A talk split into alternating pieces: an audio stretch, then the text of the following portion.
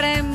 Viurem una experiència a través de la ràdio que no l'hem viscuda, eh, jo crec mai. Ens anirem amb una punta del túnel del Cadí, perquè podríem dir que el túnel del Cadí és una estructura, podríem dir, d'estat. Va suposar un abans un després pels ciutadans del Berguedà i de la Cerdanya. Per tant, anirem al Berguedà i a la Cerdanya. Demà el túnel fa 30 anys que es va inaugurar i al matí de Catalunya Ràdio volem explicar. La unitat mòbil amb la Laia Claret. Bon dia, on ets? Hola, bon dia. Doncs mira, som just a la part sud del túnel, a Bagà, just a l'àrea d'estacionament que hi ha abans d'entrar a la Boca Sud. Re, la tenim aquí, a tocar, a 10 metres. I és que és un túnel que fa 5 quilòmetres, on gairebé hi passen 6.000 vehicles al dia. déu nhi una xifra que multiplica per 3 el primer any d'inauguració. I aquestes dades indiquen això que deies, no? que s'ha convertit en una infraestructura bàsica pel desenvolupament d'aquestes comarques. Doncs hem dit, anem-ho a veure, anem a les comarques i comprovem-ho de veritat. Som amb en Juli Gendrau, que és l'alcalde de Berga. Senyor Gendrau, bon dia. Bon dia bona hora. Bon Què dia. suposava anar de Berga a la Cerdanya abans d'aquests 5 quilòmetres de túnel? Bé, de fet, això era gairebé una excursió de, de tot un dia. Vull dir, no només anar a la Cerdanya, sinó fins i tot anar cap a Andorra, anar cap a la Catalunya Nord, anar cap a la que és la, la, part, la, part, la part del sud de França.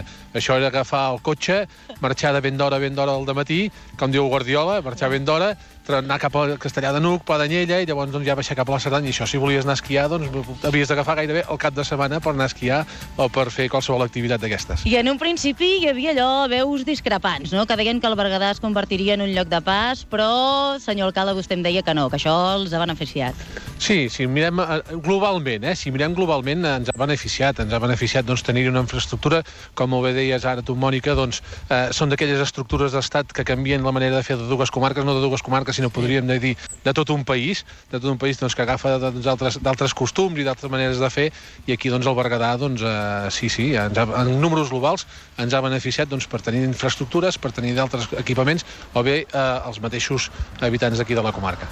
Em deia també vostè que ha promocionat el Berguedà, no? Gent que hi passava, que ara s'hi atura i diu, ostres, calla, que això és molt bonic. Sí, ens ha conegut. Ara, tu, pu- pujant, suposo que, que, heu, que heu pogut gaudir tant, de, de, de les del vistes. de les vistes, del paisatge.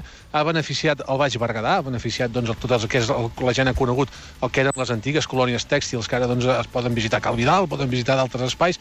Ha beneficiat doncs, també la part del Berguedà, del Berguedà centre, de Berga, de, de l'est, de l'oest, de la part de Montmajor, de la part de Bordà, i també al nord del Berguedà, doncs, aquí a, la, a, la, a les portes del Pirineu, doncs això ens ha beneficiat també, també. I més enllà del túnel per anar fins a la Cerdanya, vostè el veu també com una porta cap a Europa, no? Sí, aquí sempre és una de les reivindicacions que hem fet nosaltres des de bon començament, eh, que aquesta C16, que aquesta, que aquesta E9, que ja té aquesta nomenclatura d'E9, és una via europea, i també ens obri doncs, cap al nord, que ens obri cap al sud de França, ens obri cap a París, aquesta via de Barcelona, Barcelona, Berga, París, que diem moltes vegades, doncs també sigui possible. Sap a qui Digues, tinc Mònica. aquí al costat, eh, alcalde? Sap a qui tinc aquí al No, no ho costat? sé. A la Núria Piques. No sé. A la Núria Piques. Ah, molt bé. La- Ha baixat de Berga. Hola, Ju- El que Juli. passa que la, la, eh, Què hola, tal? Núria, què tal? El que passa que ja el, el túnel del Cadí no sé si el passa gaire, perquè normalment el passo deu passar per per dalt. la Núria. Jo crec que el passa per dalt i deu anar més de pressa que els cotxes. Segurament, que, que jo segur, que jo segur. Almenys no he de pagar Perquè peatge. aquest espai d'aquí dalt el coneix molt.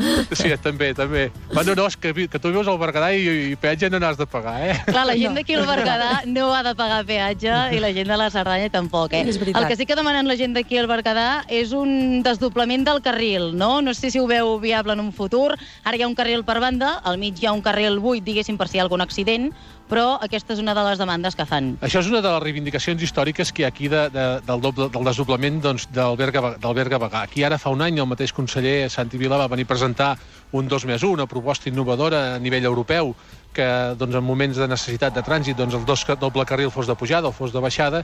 Aquesta era una opció econòmicament més viable i també més respectuosa fins i tot amb l'entorn natural que estem, que estem parlant. Fer un doble carril aquí pot ser fins i tot un pèl arriscat, a part del cost econòmic que pugui tenir, també amb l'entorn natural que hi pugui haver.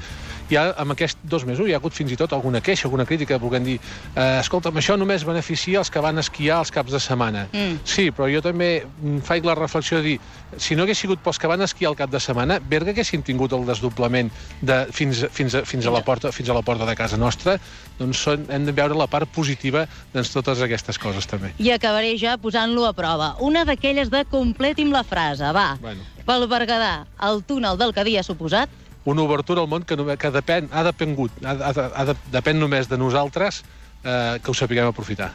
Doncs, Doncs Juli Gendrau, alcalde de Berga, moltes gràcies. gràcies, gràcies a vosaltres. Juli, una abraçada.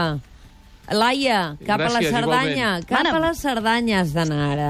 Sí, creuem el Eh? túnel i vinga, cap amunt. El matí de Catalunya Ràdio.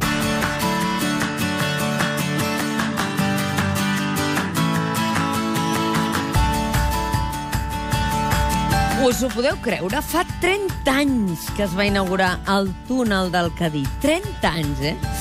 Doncs avui la Laia Claret i la unitat mòbil ha viatjat fins a la Berga i des de Berga, des de l'extrem del Berguedà, del túnel del Cadí, hem parlat amb Juli Gendrau, amb l'alcalde, i li hem dit a la Laia, mentre entrevistem la nostra campiona ultrafundista del món, Núria Piques, que per cert és de Berga i ara torna cap allà, tu creues el túnel del Cadí i vas fins a la Cerdanya. I allà a veure qui trobes a l'altre extrem.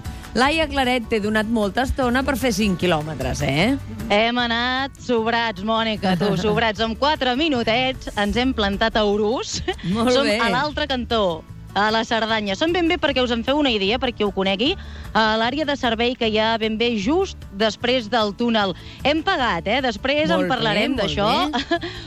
Però som al costat de Ramon Moliner, que és el president del Consell Comarcal de la Cerdanya. Bon dia. Bon dia. Bon dia. Què va suposar per la Cerdanya Bon dia, bon dia. l'obertura del túnel del Cadí?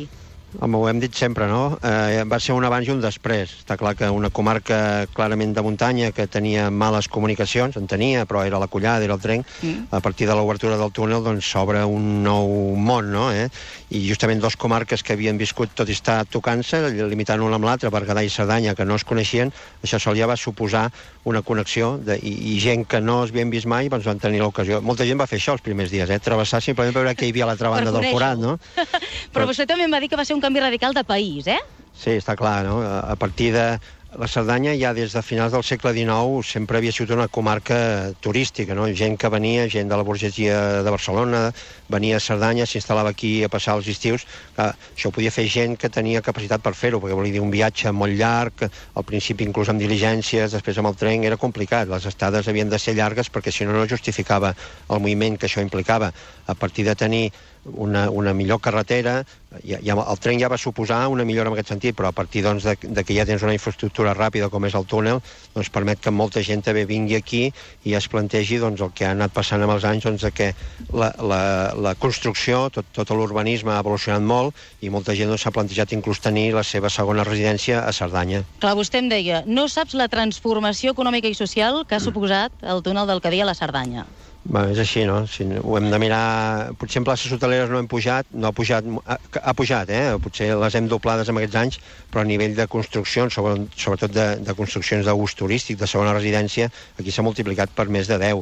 Això vol dir que molta gent doncs, que ha, ha vist, eh? i això és fàcil, no? qualsevol que vingui a Cerdanya de seguida s'enamora de la Cerdanya, per tant, si la, si la comunicació és bona, doncs fàcilment, si has vingut una vegada i has vingut a un hotel o has vingut de visita, bueno, fàcilment acabis fent el tom i dir, escolta, jo em compro alguna aquí perquè hi vull anar, em vull obligar a anar-hi perquè val la pena, no? I, per tant, també ha creat més ocupació, la creació del està clar.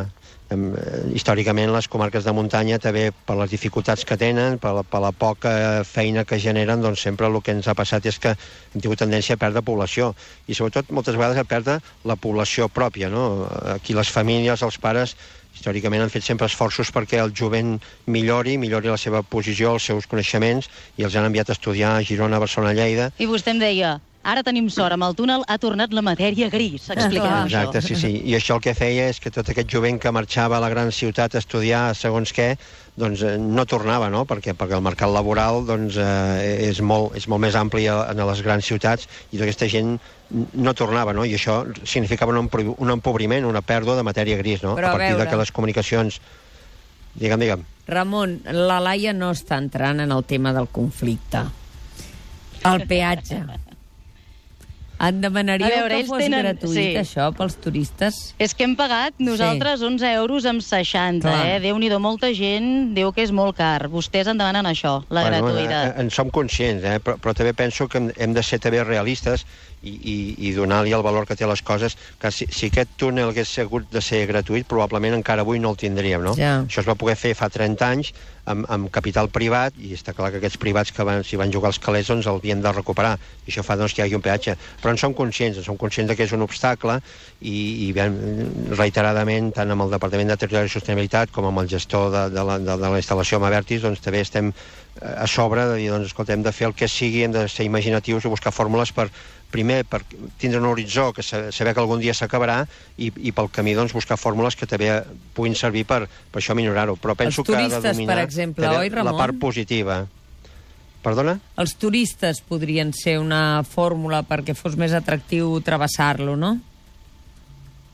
Gratuïtament, en aquest cas. Sí. Bueno, està clar, deia, so- som conscients de que és una trava, no? I una persona que es plantegi venir a Cerdanya doncs, ha de comptar que, que, que té aquest cost addicional, no? I això doncs, el farà que no vingui tan sovint, que no vingui, o que si ve doncs, renuncien al restaurant. En som conscients de que això és així, però, però penso que també hem de ser donar-li valor a la part positiva, que és dir, escolta, el tenim, és de pago, però el tenim, sobretot, eh? Mm. Però estem treballant perquè, doncs, buscar maneres de que això no sigui eh, un obstacle tan gran. I treballant per una rebaixa, perquè, atenció, les motos 9 amb 40, els cotxes 11 amb 60, furgonetes 25 euros i els camions 30. No sé si una rebaixa també seria una de les opcions. Sí, bueno, est est- n'estem parlant eh, amb, amb Avertis de buscar fórmules que puguin servir allò per crear sinergies no? i que hi hagi implicació doncs, dels sectors privats de la comarca i buscar... No, no vull avançar perquè és un tema que se n'està parlant, s'està treballant, però estem treballant per buscar fórmules això que creïn sinergies i que, i que no tot el cost l'hagi de suportar el mateix actor, no? en aquest cas el, el turista que ens visita. Des del Berguedà hem parlat del desdoblament de la via, de fer dos carrils per sentit, aquí a la Cerdanya també se'n parla, però vostès podrien dir que estan treballant en una situació intermitja. Quina seria?